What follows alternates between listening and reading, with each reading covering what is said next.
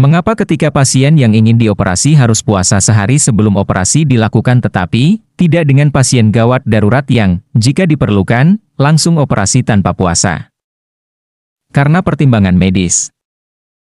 Kita akan coba jawab dengan membaginya menjadi dua segmennya. Mengapa pasien perlu puasa sebelum dilakukan operasi? Mengapa pasien gawat darurat tidak perlu puasa sebelum dilakukan operasi? Mengapa pasien perlu puasa sebelum dilakukan operasi? Hal ini dikarenakan ketika operasi dan dilakukan pemasangan alat bantu napas ke dalam mulut pasien seperti ini.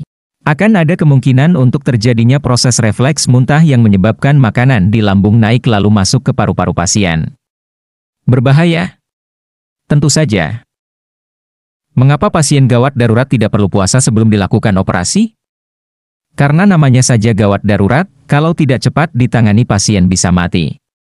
Maka dalam kondisi seperti ini mau tidak mau, suka tidak suka, dengan mempertimbangkan prinsip kebermanfaatan untuk pasien maka operasi tetap jalan. Bagaimana dengan risiko makanan di lambung naik lalu masuk ke paru-paru pasien? Risiko tetap ada, namun akan lebih berisiko bila tidak melakukan apa-apa.